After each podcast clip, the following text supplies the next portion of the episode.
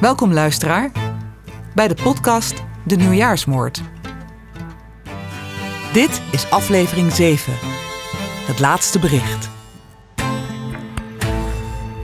In een vorige aflevering van de Nieuwjaarsmoord hoorden we hoe Bureau Dupin het laatste bekende bericht van Marja Nijholt ontving. Ze schreef dat twee dagen voor haar dood en stuurde het aan Erik van het Huis van Gebed. Dan noem, dan noem ik geen namen. Ze- En dan schrijft ze in op 30 december om eh, tien over half acht, 2012. Dan zegt ze, ik ben vluchteling geworden. Om deze persoon, om de tweede persoon, om de derde persoon, om een organisatie. Ons gezin trekt dit niet meer. Wil je een andere persoon die we dan kennen waarschuwen? Hij bidt voor ons.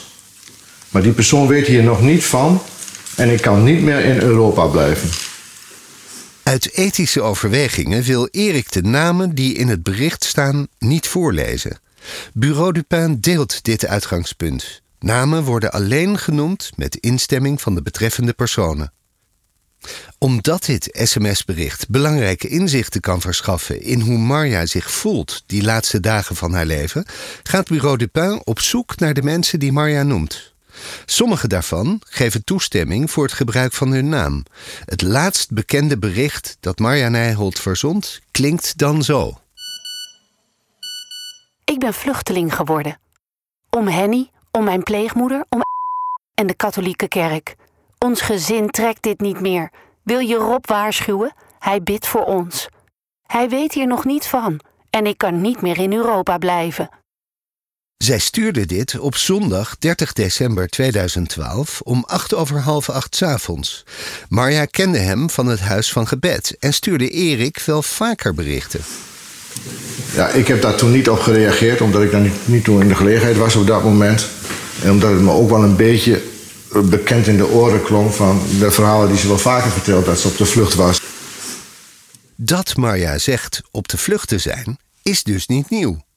Maar dit keer noemt ze daar dus expliciet namen bij. Bureau Dupin gaat op zoek naar deze mensen. Een tijdje geleden raakten medewerkers van Bureau Dupin in gesprek met een aantal inwoners van Os. Zij vertelden dat de brandweer als eerste ter plaatse was nadat het lichaam van Marja Nijholt was ontdekt. Zij zouden daar ook handelingen hebben verricht. Jacqueline van Bureau Dupin gaat op zoek naar de brandweercommandant om hem te vragen hoe zij een dergelijk incident aanpakken en welke handelingen zij dan verrichten. Bij een eerder gesprek op straat spraken twee van ons met een paar voorbijgangers. En toen viel een naam van de brandweer in Os. En dat zou een man zijn die eh, als een van de eerste op plaats likt was. En die ga ik nu bellen. Hallo? Je spreekt met Jacqueline. En je kent mij niet, maar ik heb een stomme vraag. Zit jij toevallig bij de brandweer? Ik niet, maar mijn vader wel. Daar is jouw vader. En de brandweer rukt ook uit naar Bergen dan? Nee, nee, nee, nee. Oh. Hier alleen regio Wees. Nou, ik dacht vlakbij Os en vlakbij Bergen. Dus misschien Ja, is het wel goed. Want Had gekund, maar. Ja, oké. Hey, bedankt. Hoi. Ja, hoi, hoi.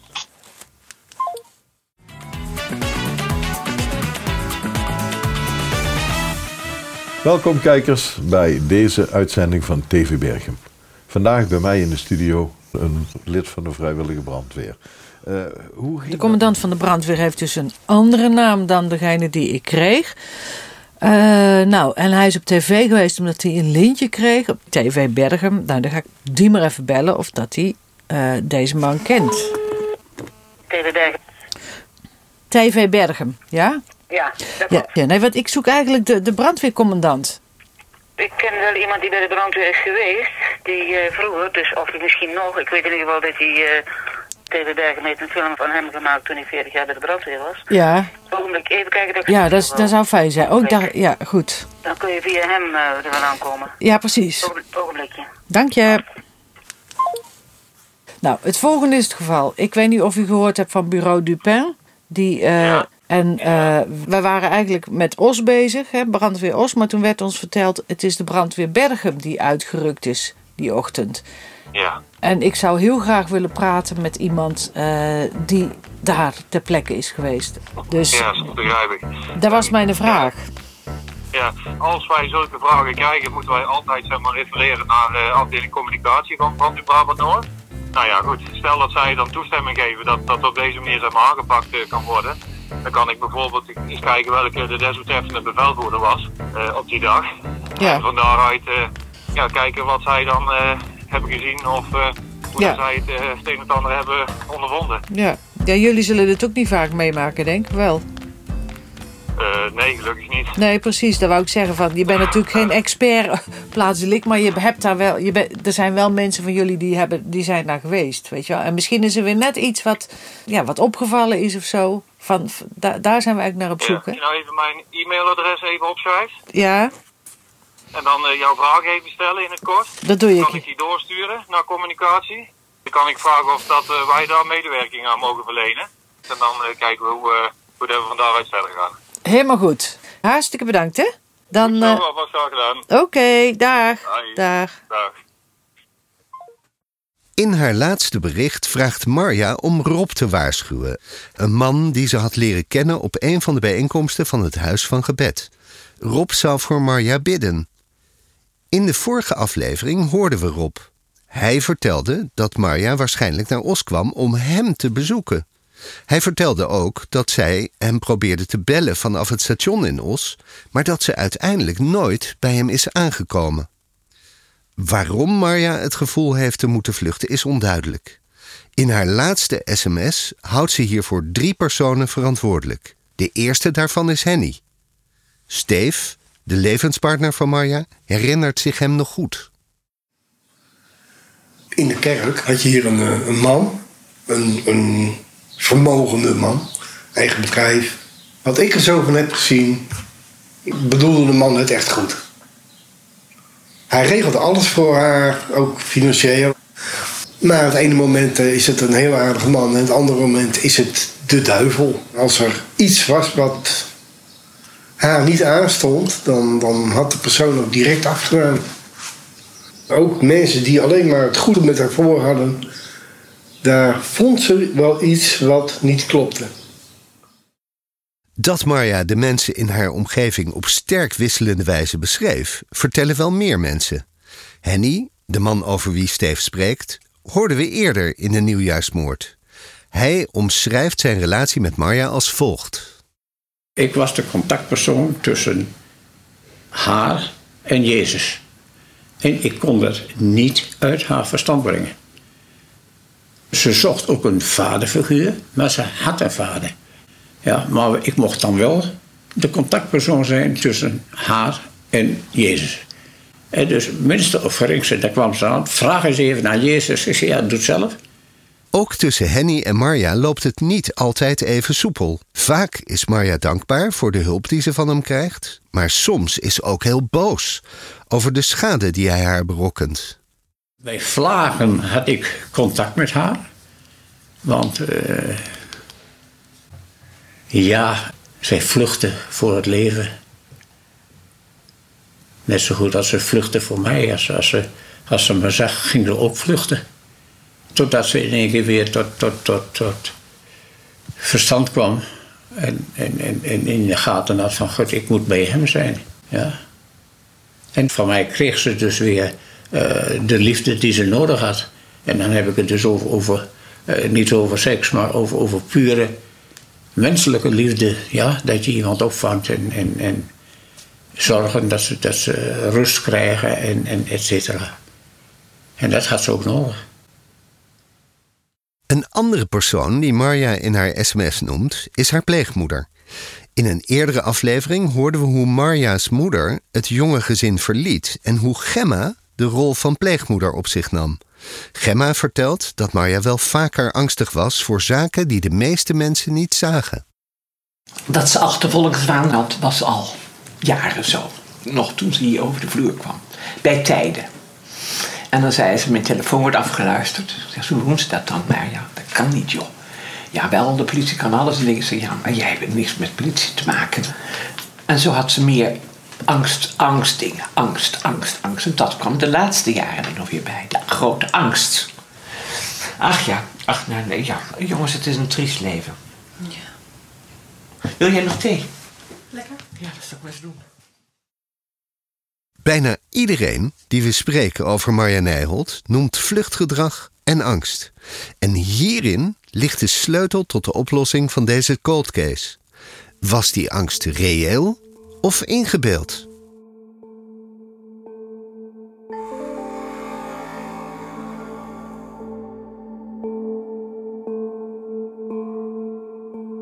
De laatste persoon die Marja in haar sms noemt, wil wel meewerken aan het onderzoek en aan de podcast, maar wil niet met naam genoemd worden.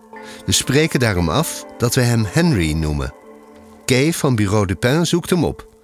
Het wordt een wonderlijk gesprek, maar wel een dat belangrijke inzichten biedt in de laatste periode van het leven van Marja Nijholt. Ik ben in Enschede. Uh, daar woont Henry. En Henry heeft heel veel contact gehad met uh, Marja. Tot aan haar dood eigenlijk. Heeft haar ook geholpen.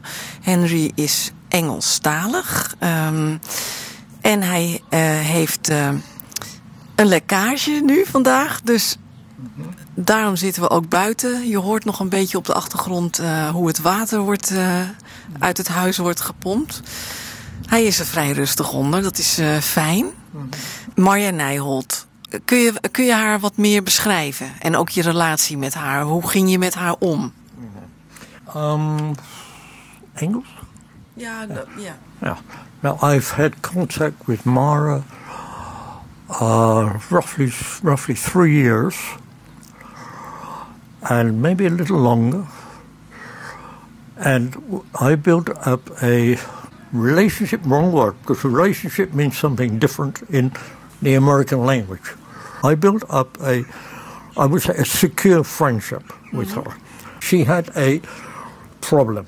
She was sleeping in the park, she was sleeping in a garage, and my impression was simple come to me. I reached out from the heart to rescue. Dus ze zocht echt onderdak. Ja. Come to me, you can sleep by me. Yeah. Not by me personally, but by me in the house. Yeah. And I gave her the upstairs, which was her room, and I gave her the freedom of the house, meaning the kitchen, shower room, and etc. etc. And I registered her with the Gemint and with the police. En waarom deed je dat? Ik heb dat gedaan omdat ze op de straat, maar she can now say, ik heb een vast adres. Her address was my address with her name. Eerder hoorden we al dat Marja in de laatste periode van haar leven op onregelmatige basis op verschillende plekken sliep. Henry bood haar dus onderdak en de mogelijkheid om zich in te schrijven bij de gemeente. Dan stelt Kay een vraag die het verdere verloop van het interview zal bepalen. Zou ik de kamer mogen zien waar Marja vroeger sliep? It's totally veranderd.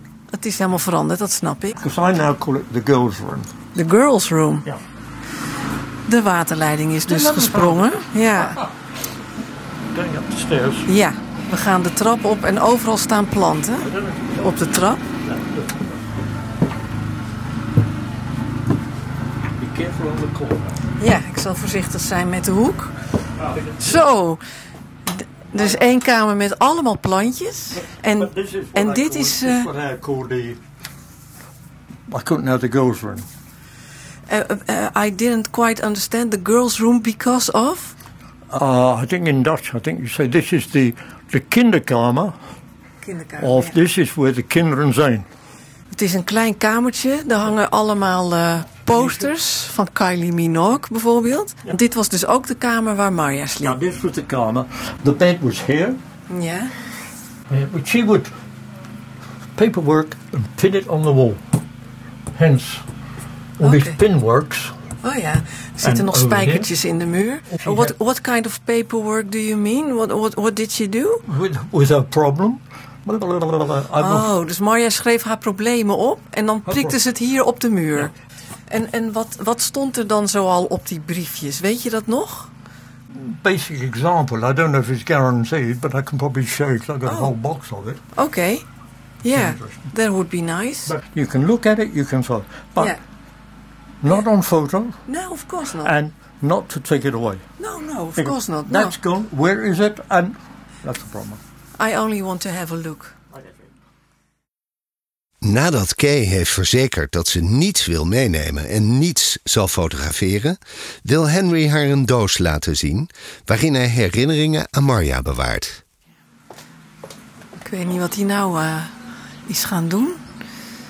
Oh, daar komt hij weer. Eh, maar ik ben nou wel heel benieuwd naar dat koffertje hoor. Nou, koffer zelfs.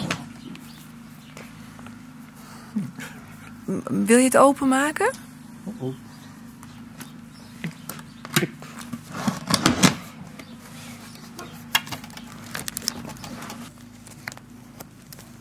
Goh. It's all connected with. Ja, en, en deze hele koffer zit vol met eh, dit soort briefjes. Oké, jeetje, ja. En nog foto's. A mixture of photos. Ja. This is interesting. She was up in the room sorting out her, her work. Mhm.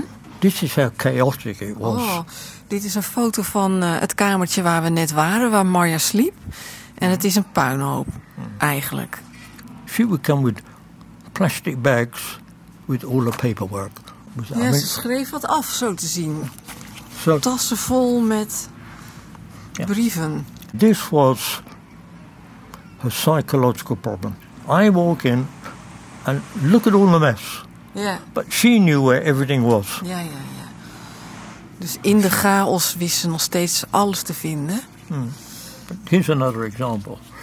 When she finally got sorted out, she could finally put them in boxes. Ja, ze heeft alle spullen daar in dozen gestopt. Even here. Daar is een foto van Yeah, I gemaakt. said, right, sort it out, put them in boxes, what you want and don't want. Ja. Which she did. Rather angry, but I said, no, sort them out. Ze heeft het gedaan, ze heeft opgeruimd. Yeah, but, but, but, but. I said, no buts.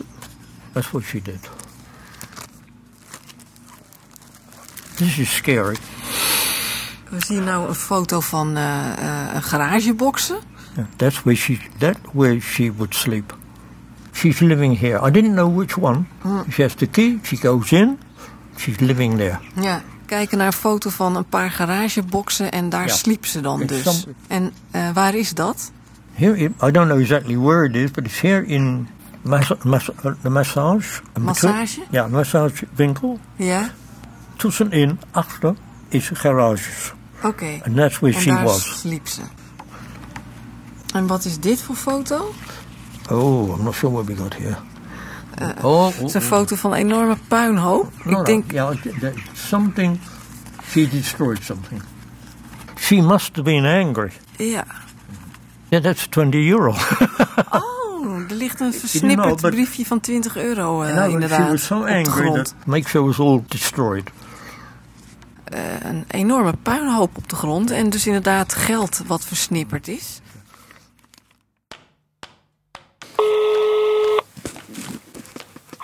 Hoi, met Jacqueline spreek je. Ik heb... Ja, hallo. Hoi, hoi. Ik heb vorige week eh, een mailtje gestuurd naar jullie afdeling Ja. communicatie. Heb je al iets gehoord? Helemaal niks. Ik zei gisteren nog tegen mijn vrouw, ik, heb helemaal niks meer gehoord over die eh, van ons intern. Ik zei nog tegen haar, ik ga morgen even bellen hoe dat het nou zit. En waarom dat we nog geen antwoord hebben gehad. Ik ga even bellen. Ik vraag eh, of dat zij, eh, wat precies de bedoeling is en eh, wat er kan en wat er niet kan. Oké, Ja, gaan we bedankt. doen. Dag. Goed zo. Hoi. Oké, hi. Een dag later belt Jacqueline terug.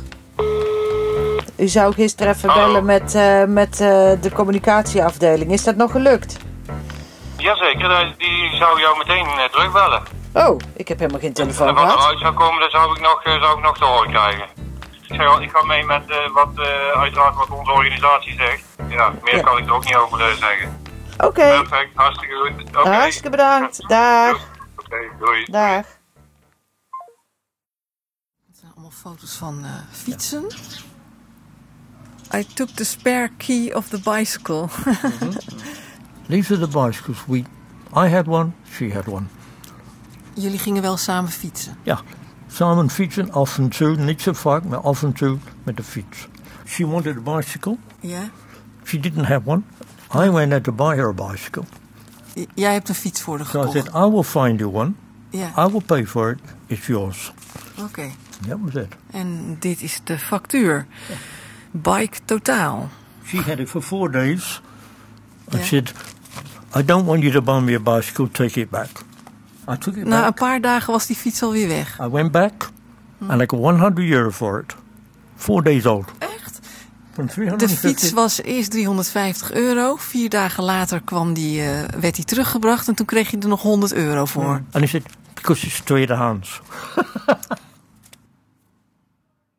Jacqueline heeft inmiddels contact met een woordvoerder van het brandweerkorps Noord-Brabant.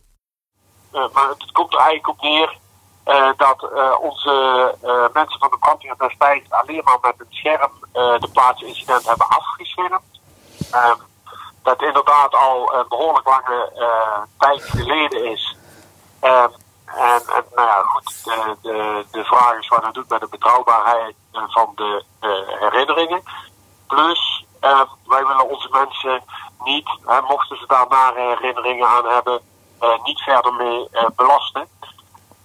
Dus dat is maar echt... Onze mensen hebben alleen maar een scherm eh, eh, neergezet en hebben verder geen eh, eh, taken gehad op het uh, plaatsincident. Vandaar eh, dat wij ook in, in goed overleg eh, deze keuze gemaakt eh, Mhm. hebben. Eh, op het moment dat het eh, nou, een formeel verzoek gedaan wordt door de politie, dan, dan verandert eh, bij ons natuurlijk ook de zaak. Maar dan moeten ze eh, formeel eh, het verzoek richten aan onze directeur van brandweerzorg. Oké, nou in ieder geval bedankt. En dan, eh, ja, dan vrees ik dat, dat het dit niet doorgaat. Heel jammer. Oké, bedankt hoor. Dag. Oké, Dag. goeie, fijne avond. Dag. Dag. U ook. Van een formeel verzoek van de politie zal natuurlijk geen sprake zijn en daarmee loopt dit spoor dood. Maar volgens de woordvoerder heeft de brandweer destijds alleen maar schermen geplaatst en dus geen verdere handelingen verricht. Met de politie en het Openbaar Ministerie heeft Bureau Dupin een samenwerking die niet via woordvoerders loopt. De community heeft hen al tientallen vragen kunnen stellen. Een deel daarvan is inmiddels beantwoord en via de website zijn deze antwoorden in het onderzoek verwerkt. Met betrekking tot de resterende vragen ontving Bureau Dupin een brief van het Openbaar Ministerie. Roel vertelt daarover. Een tijdje geleden kregen we een bericht van het Openbaar Ministerie waarin ze uitleggen dat ze een deel van de vragen niet kunnen beantwoorden vanwege privacyredenen. Maar in die mail, daar gebeurt ook iets opvallends. Ze geven ons een aantal suggesties. Ze schrijven, en ik lees dat even voor. Met gebruikmaking van de Wisdom of Crowd kan getracht worden om die verschillende scenario's uit te lopen. Daarbij kan onder meer, maar niet uitsluitend, het scenario bekeken worden waarbij sprake zou zijn van een suïcide. Een zodanig scenario is immers vanuit forensische opsporing en met het oog op de locatie van de specifieke letsels nog steeds niet uitgesloten. En verderop zeggen ze: Het zou interessant zijn om het tijdspad dat thans gehanteerd wordt nader tegen het licht te houden. Vooralsnog wordt er vanuit gegaan dat Maya op 29 december naar Duitsland is vertrokken, maar de vraag is of die aanname juist is. Met vriendelijke groet, enzovoort, enzovoort. Ze zeggen dus eigenlijk twee dingen hier. Kijk nog eens naar de verschillende scenario's, waaronder suïcide. En kijk nog eens naar het moment waarop Maya naar Duitsland is vertrokken. Was dat wel op 29 december 2012? En dat zijn natuurlijk interessante suggesties die we binnen de community kunnen oppakken. Dit is inderdaad interessant. De samenwerking met een burgerinitiatief als Bureau Dupin is ook voor de politie en het Openbaar Ministerie nieuw. Voorheen liep contact over een zaak uitsluitend via de afdeling communicatie, net zoals het contact dat Jacqueline had met de woordvoerder van de brandweer. In het experiment dat de politie en het Openbaar Ministerie zijn aangegaan, kan Bureau Dupin vragen stellen die, als de wet en regelgeving dat toestaan, door de politie en het Openbaar Ministerie worden beantwoord. Maar met de suggesties die nu worden gedaan, verkennen zij een compleet nieuwe weg. Bureau Dupin gaat hiermee aan de slag. In Enschede bekijkt Kay samen met Henry de inhoud van de koffer. Eh, wat zit er allemaal nog meer in deze kist? Even kijken, wat is dit? Ook door Marja This is geschreven. interesting for you. This is what I'm trying to explain to you. Wa- waar, waar kijk ik nu naar? Ik zie een, een brief in het Engels. No. Yeah, yeah, it's in English, but it, from herself. She wrote this. Dit is een brief van Marja. in her handwriting. And then suddenly she goes, Oh yeah. yeah, she suddenly goes normal and then suddenly aggressive. Ik ga even kijken wat hier staat. The reason why people keep me in bondage and steal my life. Stealing from me, not returning what they owe me. Put me a pocket money to bind and underpress me. And keep me in bandage, bondage. Oké, dus dat, en dat gaat maar zo door. I will never have the chance to live my own independent life, but those who do this to me are less adult than me. All extremely irresponsible. Nou, dat is eh, nogal wat. En dan. Ze heeft nog wat dingen eh, geschreven. Oh, er zit ook nog een briefje in met het 06-nummer van Henny. Oké. Ehm, nou, het is een heel boekwerkje met eh, wat Marja heeft opgeschreven. En dan wordt het handschrift steeds groter. Nobody ever paid me back. They all steal time, energy, health. Oké. En dan de allerlaatste bladzijde is, is uh, met hele grote letters geschreven. I will go where nobody knows me. I only need cash return, nothing else. God knows they only stole je, je geest. God knows they only stole I, I don't understand. They, oh, sorry. Uh, they only st- they only stole forty years. Forty years. Leave me alone. Promise, promise, promise. Empty promise. En dat zijn dan de laatste woorden die in dat uh, schrift staan. En het is inderdaad heel warrig uh, opgeschreven uiteindelijk. But this gives you an idea, because you've read Yeah. it. this gives you an idea how it started. Ja. And she began to begin to be aggressive, Mhm. hence the skill. And seriously, we don't know what the problem was. Medically, psychologically, or whatever. Had ze het er wel eens over dat ze zich bedreigd voelde? Dat ze door iemand werd bedreigd?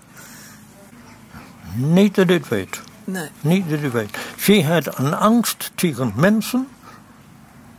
Uh, angry, not violent, but angry, mondeling, etc., etc., with the impression they are against me because I this and the other. Ja. But my experience, only a few years, nobody's against you. You have created your own problem. But unfortunately, my help was not accepted. Why? She's had this problem maybe since she was 17 years old. Mm, mm. And she has pushed it away. But over the years, these problems have an effect on her life. Ja. And it's normal, but she will not accept that problem. Henry geeft hiermee een waardevolle omschrijving van de laatste periode in Marja's leven. Het geeft inzage in de wisselende relatie die ze heeft met geld en met goederen, zoals een nieuwe fiets. Maar het schetst ook een beeld van verwardheid en angst. Henry zegt dat hij niet de indruk heeft dat Marja bedreigd werd, maar wel dat ze zich bedreigd kon voelen.